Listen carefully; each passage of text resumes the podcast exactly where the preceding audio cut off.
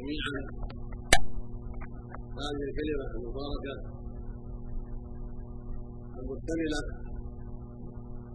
على بيان. أسباب تسلط العدو على المسلمين وعلى بيان ما ينبغي لمكافحة هذا التسلط وإزالته من في الله الشيخ محمد عبد الله الإسلام جزاه الله خيرا وضاعف مثوبته ولقد أجاب وأفاد وأحسن فيما أبان وكتب من الأسباب. التي في الحقيقة من أعظم الأسباب لتسلط الأعداء وتفرق المسلمين ووجود ما وجد من المنكرات الكثيرة والبدع. وأنواع الكفر والشرك إلى غير ذلك.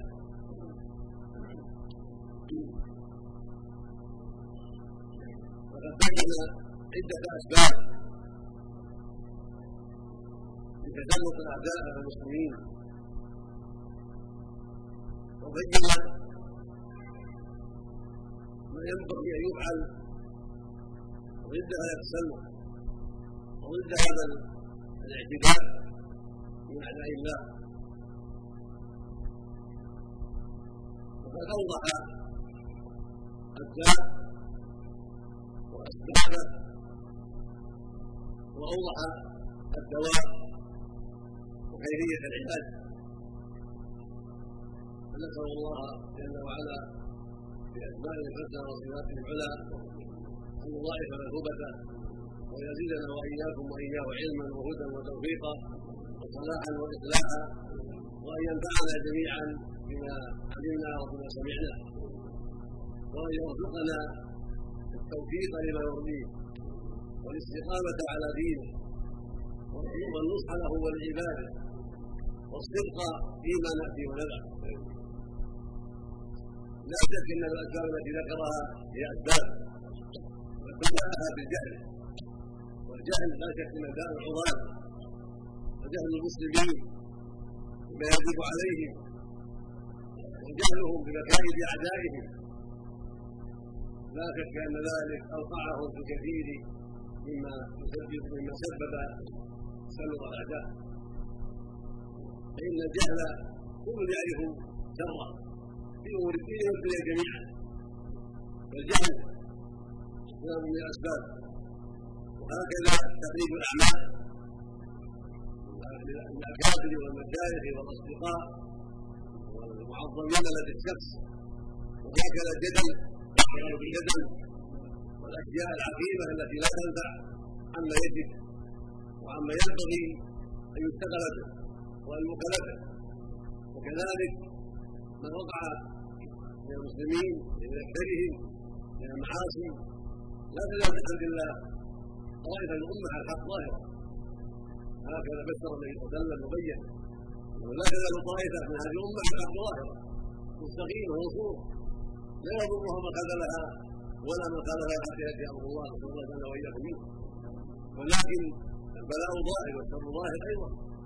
بسبب هذه الأسباب التي ذكرها كالحروب وبأسباب أخرى. وذكر أيضا من الأسباب التي سلط بها الأعداء مع الأسباب المتقدمة مع الجهل وتقليد الأعمال والجدل بغير الحق والتجاهل في الجدل والأشياء التي هي عقيمة المعنى عما عما ينبغي وعما يجب. وكذلك المعاصي والمخالفات التي ابتلي بها كثير من المسلمين. كذلك أيضا سبب آخر هو الغفله عن الله. والغفله عن دينه. والغفله عما يجب.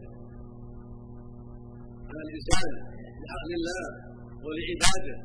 والغفلة أيضا عن مكائد الأعداء وعما يصرون عليه ضد المسلمين وعما يولونه لنوابهم وإنسانياتهم ومؤسساتهم في الطب وفي المدارس وفي غير ذلك فإنهم جادون كل جد في إدخال السر على المسلمين من طرق شتى من طريق الإنسانيات ومن طريق المدارس ومن طريق الجامعات والصحابة ومن طريق المستشفيات والمستوصفات ومن كل طريق.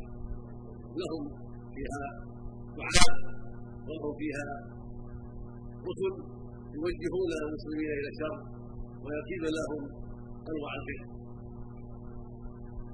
والغفله التي ابتلي بها كثير من المسلمين سيما القاده والزعماء الذين يتبعهم غيرهم حتى ضاعت عليهم اسماعهم وأبصارهم وعقولهم فما استعملوها بما يرضي الله.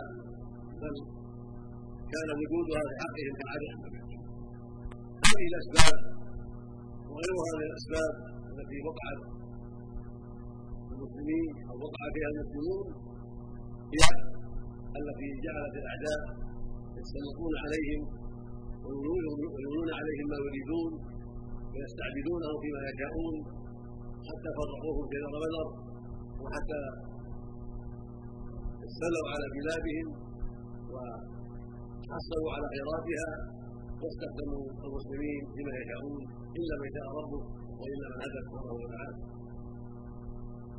ونرد أن الاسماع والأبصار والعقول أدوات. أدوات ضيعت لأصحابها. إن استعملت الخير نفعت وإن كانت الشر ضرت والغافل قد يستعملها الشر ولا يدري. الغافل الذي قد شغل نفسه بما يضره قد شغل بالشهوات قد شغل بالحظ العاجل قد شغل بطرق بقاء على كرسي بقاء أميرا أو شيخا للقبيلة أو حاكما للبلاد أو رئيس جمهورية أو رئيس وزراء أو وزيرا بكذا. شغله بهذه الأشياء وشغله بوسائل تثبيتها وشغله بالدفاع عنها. قد يضيع عليه سمعه وبصره وقلبه. فهو يكون مشغولا بغير الله مشغولا بغير طاعة الله. مشغولا بما يضره ولا ينفعه. ولهذا قال جل وعلا ولقد ذرأنا لجهنم كثيرا من الجن والإنس لهم قلوب لا يفقهون بها ولهم اعين لا يبصرون بها ولهم اذان لا يسمعون بها. اولئك الانعام بل هم اضل اولئك هم الغافلون صاروا كالانعام لأن شغلهم شغل الانعام في شهواتهم وحاجاتهم فيما يتعلق بوقودهم وخروجهم ومساكنهم ومراكبهم واشباههم ولما كان المسلمون الاولون شغلهم الشاغل أن ينصروا دين الله. وأن يعلوا كلمة الله. وينذروا دين الله وينذروا دين الله. ويصبر على شرف العيش. وعلى مسك الرد ومكافاه الرد وغير ذلك. ما طبع فيهم الأعداء. بل جاهدهم أولئك الاخيار وذكروا دين الله وازاحوهم عن كثير من بلادهم. إلا من دخل في دين الله. من دخل رحبوا به وصار له مثل ما لهم وعليه مثل ما عليهم وأعزوه واغوه ومن ابى جلبه بالسلوك حتى يحكم الله بينه وبينه. هكذا كان اوائل الأمة حتى دين الله بعد نبيهم عليه الصلاة والسلام وكسروا كسرى قصروا قيصر وملكوا البلاد ورفعوا فيها راية الإسلام لا بكثرة ولا بعدة كثيرة ولكن بالصدق بالصدق والقلوب المؤمنة. الغيرة لله عز وجل وقائمة بأمر الله سبحانه وتعالى. الله أعلم ووفقهم في صدقهم وتكاتفهم وتعاونهم واستعمال أبصارهم وأسماعهم وقلوبهم في نصر دين الله وفي إقامة أمر الله. هكذا مسلم وهكذا أمين قال جل وعلا ولا ينصرن الله من ينصره إن الله لقوي عزيز الذين ان مكنهم اقاموا الصلاة وآتوا الزكاة وأمروا بالمعروف ونهوا عن هكذا شغلهم هذا شغلهم اشتغلوا بها وجدوا فيه. وقاموا بشر المعاصي وسمعتم ما ذكر ما ذكر الشيخ عن سعد بن وقاص رضي الله عنه ان يخاف على زيد. من المعاصي. أكثر مما يخاف عليه من الجيش نفسه. وهذا المعنى عن عمر. مشهور عمر رضي الله عنه وقد يكون تلاقى فيه الرأي والفكر. فيكون قاله عمر ويكون قاله سعد ويكون قاله غيره وكل قائد صالح وكل معلم صالح وكل داعي صالح يعني يفهم هذا ويعلم هذا. ان المعاصي من الجيش أهون عليهم من عدو فإن المعاصي من الجيش جند عليهم. وعون لعدوهم عليهم. ولهذا كان عمر يحرض جنوده وجيشه من المعاصي والسيئات. ويكتب إلى سعد وإلى أبي عبيدة وإلى غيرهم يكتب إليهم ويحذرهم من المعاصي ويأمرهم بتقوى الله والاستقامة على أمر الله وايثار الآخرة. ويقول إنه لا تنصروا على عدو بكثرتكم ولا بعددكم وعدتكم ولكن تنصرون بطاعة الله بطاعه الله. فاذا عبدتم الله صاروا أكثر منكم واقوى منكم فغلبوكم. فالنصر يكون بطاعة الله والقيام بأمر الله والاعتماد على الله والتكاتف والاجتماع ضد الباطل والذي يظهر الحق ويقوم الحق ويروى عنه رضي الله عنه أنه كان يكتب إلى امرائه ويقول لهم إن أهم امركم عند الصلاة. إن أهم امركم عند الصلاة.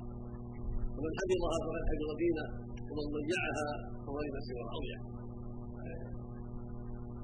الحاصل أن أسباب تاخر المسلمين وأسباب تبغ عدوهم عليهم هو ما سمعتم وتفرقهم واختلافهم وغفلتهم ومعاصيهم ووقع في كثير القاده من التقليد الأعلى والجهل الكبير والجدل والاشتغال بما لا ينفع وبما يصب على الحق. إلى غير ذلك من الأسباب الأخرى التي بلي بها كثير من الناس ومن جمله الأسباب التي ابتلي بها ابتلي بها كثير من الناس أنه ليس له هم في نصر دين الله وليس له نية صالحة في نصر دين الله وإنما يهمه أن ينصر نفسه حتى يدرك هذا الكرسي أو هذه القرية أو هذا البلد ويكون تحت سيطرته وولايته ولا يهمه بعد ما وقع في المسلمين كافر ولا ولا يهمه أن يفلل الملك الفلاني المسلم أو الرئيس الفلاني المسلم أو تفلى بلاد أخرى أو ما أشبه ذلك. لا يهمه إلا أن يحصل له ما يريد من البلاد الفلاني أو الاقليم الفلاني أو المنطقة الفلانيه أو ما أشبه ذلك. وليس قصده من ذلك إلى دين الله. وليس قصده من ذلك قصد دين الله. وانما قصده نفع نفسه. وأن يكون داخل في كرسي حكما. وأن تكون له سيطره يأخذ ويعطي ويأكل ويشرب إلى غير ذلك. ومن من البلاء العظيم والشر الكثير الاشتغال بالتلاعب بين قادة المسلمين ضد عدوه يتلاعب فيما بينهم ويكون كل واحد كفيل للآخر ويريد الاطاعه به بدلا مما يريد رفعه ونصره وضمه اليه ومن هنا وجد العدو الفرصة فأطاع بهذا وأطاع بهذا ونصر هذا وعمل هذا حتى تمكن منهم جميعا. وحتى استولى على كثير من بلادهم وحتى أخذ خيرات بلادهم واتقوا فتح الله بهم نحن المسلمين نحن قاده وتكالبهم على الريادة وحرصوا هذا على إطاعة بهذا وهذا على إطاعة بهذا وعدم تعاونهم على أن يقوموا جميعا. وان ينصروا دين الله جميعا وأن يكون يدا واحدة وبناء واحدا وجسدا واحدا ضد أعداء الله. هذا العمل الذي تعالى فعلوه هو الذي جرى فيه وجرى من النقص العظيم مع بقية الناس مع بقية الأسباب الأخرى. ومن درس التاريخ وقرا ما كان عليه الناس وما وقع في الناس بعد القرون المفضلة وبعد الجهاد العظيم سلافنا الصالح يعرف هذا الذي وقع من التناحر بين قادة والرؤساء وما وقع من المعاصي والشرور والغفله عن الله وعن دار الآخرة وما وقع من الجهل العظيم وتقليد الاعمال والتجاهل بما يضر ولا يعلم. وسمعتم أن طاعه الأمراء وغير الأمراء في المعصية عباده لهم وسمعتم أيضا قوله صلى الله عليه وسلم شهد عبد الدينار عبد الدرهم الحديث أن هذا نوع من العباده فينبغي أن تعلموا أن العبادة قسمان عبادة لغير الله كبرى يحصل بها الشرك الاكبر وعباده صغرى يحصل بها الشرك الاصغر ويحصل بها المعصيه الطاعه لغير لغير الله في المعاصي جريمه ولكنها قسمان إذا طاع غير الله مستحلا لذلك. دائما أنه يسوغ له ويطيع غير الله في المعاصي صارت ردة ومنكرا أكبر والشرك الاكبر والكفر الاكبر وإذا طاع غير الله في المعصيه لكن يعلم أنه مخطي ويعلم أنه عاصي صارت معصية وليس ردة ولا كفر أكبر. هذا التفصيل يجب أن يعرف كما بينه أهل العلم. والرسول عليه الصلاه قال انما الطاعه بالمعروف قال النبي ولا يعصينك في معروف قال عليه الصلاة والسلام لا طاعه المخلوق في نفس بل يطيع الأمراء أو يطيع العلماء أو يطيع الزوجة أو يطيع الأباء. أو صديقه في المعاصي هذا كجريمة. وهذا من أسباب تاخر المسلمين ومن أسباب الشده الاعداء عليهم أيضا. ولكن إذا أطاع الأمراء ونحوه في المعاصي غير مستحيل كان ذلك معصية وكان ذلك خطأ كبيرا وعليه التوبه إلى الله والرجوع إلى الله ولكن لا يكون رده فإن أطاعه في ذلك مستحلا يرى ان طاعته جائزة ولو خالف أمر الله. ولو قاله شرع الله هذا هو الرده وهذا هو جاء في حديث حديث حاله يروى عنه صلى الله عليه وسلم لما قرأ. قوله تعالى اتخذوا أحبارهم ورهبانهم من دون الله ومسيح ابن مريم وما امروا إلا ليعبدوا الها واحدا لا إله إلا هو. سبحانه وعما يشركون قال له علي بن حاتم وكان أنصاري وكان نصرانيا. يا رسول الله لسنا نعبده قال يحل ما حرم الله فتتبعونه ويحل ما ويحرم ما حرم قلت بلى قال تلك عباده يعني كانوا يستحلون ذلك. قال السدي رحمه الله التابعي الجليل استنصح الرجال ويعبدوا كتاب الله وراء ظهوره المعنى أنه استحلوا ما حرم الله تقليدا لوجوه لوجوه وكفاره وقدراته استحلوه وجعلوا حلالا. وحرموا ما أحل الله وجعلوا حراما لهؤلاء الشيوخ كان برايهم وهم يعلمون انهم قد خالفوا شرع الله وقد خالفوا دين الله ولكنهم لا يبالون. يرون انهم يطيعونهم وإن خالفوا شرع الله ودين الله فمن فعل هذا صار ردة صار كفرا اكبر وهذا وهكذا تعيس عبد الدينار تعيس عبد الدرهم تعيس عبد القميصة تعيس عبد القميلة حين اقتضبي بين القسم صار رضاه وغضبه لهذه الدراهم وهذه الملابس. ومن كان رضاه وغضبه للدنيا فقد عبدها لكن هذه العبادة قد تكون صورة وتكون صورة.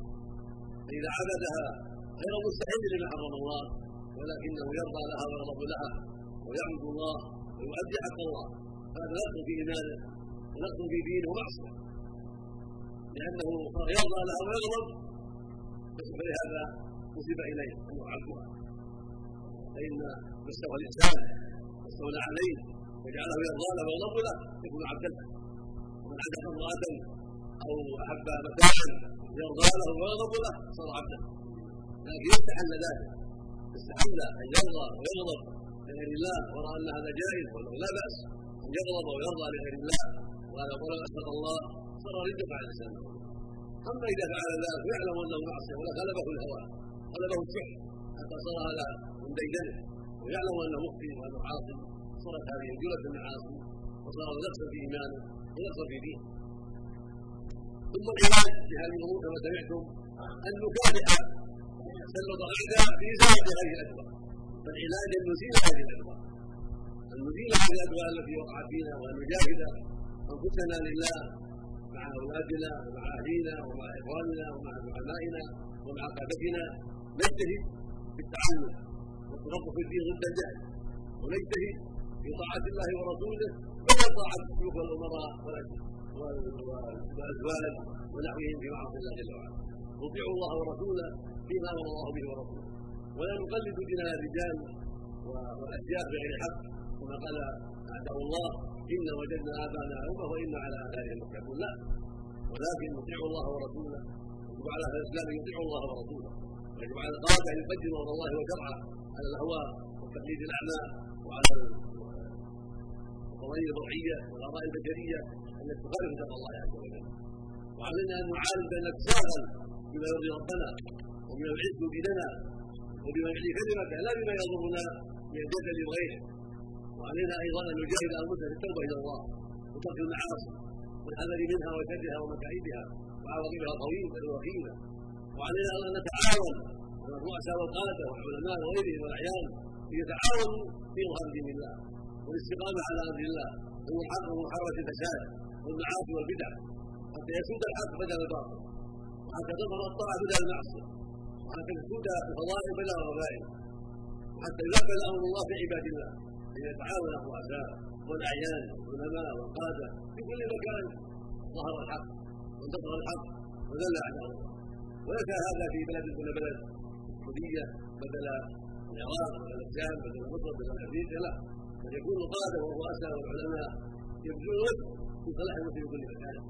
ويجتهدون في الزيارات والكلام والكتابات وغير ذلك والاذاعه وغير ذلك في اصلاح العالم في اصلاح المسلمين في تنبيه غافلهم في توجيه جاهلهم ومنحرفهم في دعوتهم إلى الحق والهدى والصواب حتى يلتحموا جميعا ويتعاونوا ضد أعدائهم وحتى يقوموا بالواجب ضد أعدائهم. هكذا هو الطريق فطريق السلامة.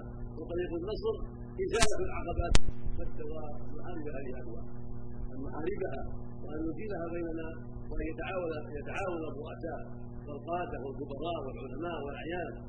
ولا يقول هذا الذنب على غيري أنا سليم أنا فعلت وفعلت لا كل واحد يتهم نفسه ويجاهدها حتى يبذل ما يستطيع وحتى يساهم في إصلاح المجتمع في نجاة المجتمع في ظهور الحق. في إزالة الباطل. صدق الله جميع التوفيق والهداية. ووفق ولاة الأمور في كل مكان من الريف وأصلح قادة المسلمين. وأصلح شعوبهم. وفقههم في الدين. وجعلنا وإياهم ولاة المهتدين وصالحين المسلمين. وجزا أخانا خيرا. والأمور السبعة التي ذكرها. يكون مع الصبي يلعبه مع السبع الأولى. ويصاحبه السبع الثانية. ويقدم السبع الثالثة. هذا له بعض الوجاهة سواء صح عن علي ولا صح عن علي لكن ما بينه النبي عليه الصلاة والسلام لأنه يوصى في سبع ويضرب عليها لعشر وفرق بينهم المضاجع واضح في التقديم والبيان. وأن السبع الأولى أوامر السبع الثانية السبع الأولى بعد السبع الأولى ليست فيها أوامر. لكن السبع الثانية فيها الأوامر والتوجيه.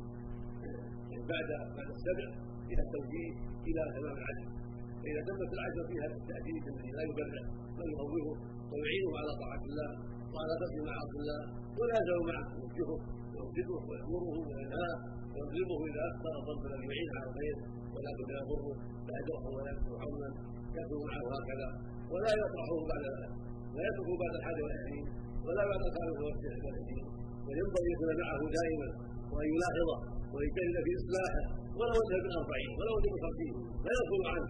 ولا يتركه ولا يضيعه ويجب على الاباء والاجداد مهما قدروا مهما استطاعوا أن يكونوا مع أولادهم ومع إخوانهم ومع أبناء أخيهم ومع قراباتهم في كل ما يعينونهم ويوجهونهم ويأمرهم بالمعروف وينهون عن المنكر مهما استطاعوا إلا إذا عجزوا عن ذلك فتمردوا عليهم وتركوهم ولم يستطيعوا شيئا مما يدفعهم بالهدايه ويجرهم على الطريق ويحول بينهم وبين الباطل اذا عجزوا عن ذلك.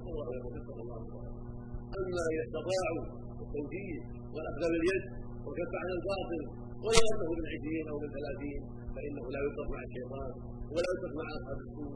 بل يؤخذ بيده ويجاهد ويقرب إلى الاخيار ويسعى إلى صلاحه ونجاته بكل وسيلة مباحه طيبه وصلى الله جميعا صلى الله وسلم.